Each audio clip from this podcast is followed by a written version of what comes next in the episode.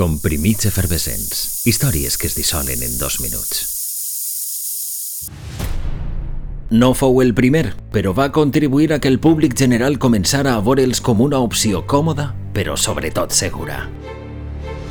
Elisha Otis, el seu inventor, va trobar un aparador perfecte per a convèncer al món que el seu disseny constituïa una revolució.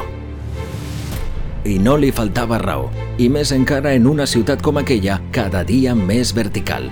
Un 22 de març posaren en marxa a Nova York el primer ascensor comercial de la història. L'espai era ideal, els grans i opulents magasins Havot Company, una catedral comercial de 5 plantes en la confluència dels carrers Broadway i Broom.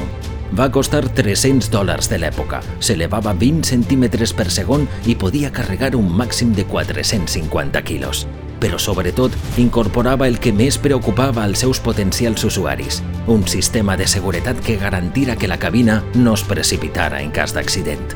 Otis va presentar la innovació en una exhibició pública amb ell mateix en l'interior de l'ascensor. A una altura considerable, va ordenar que tallaren els cables del mecanisme.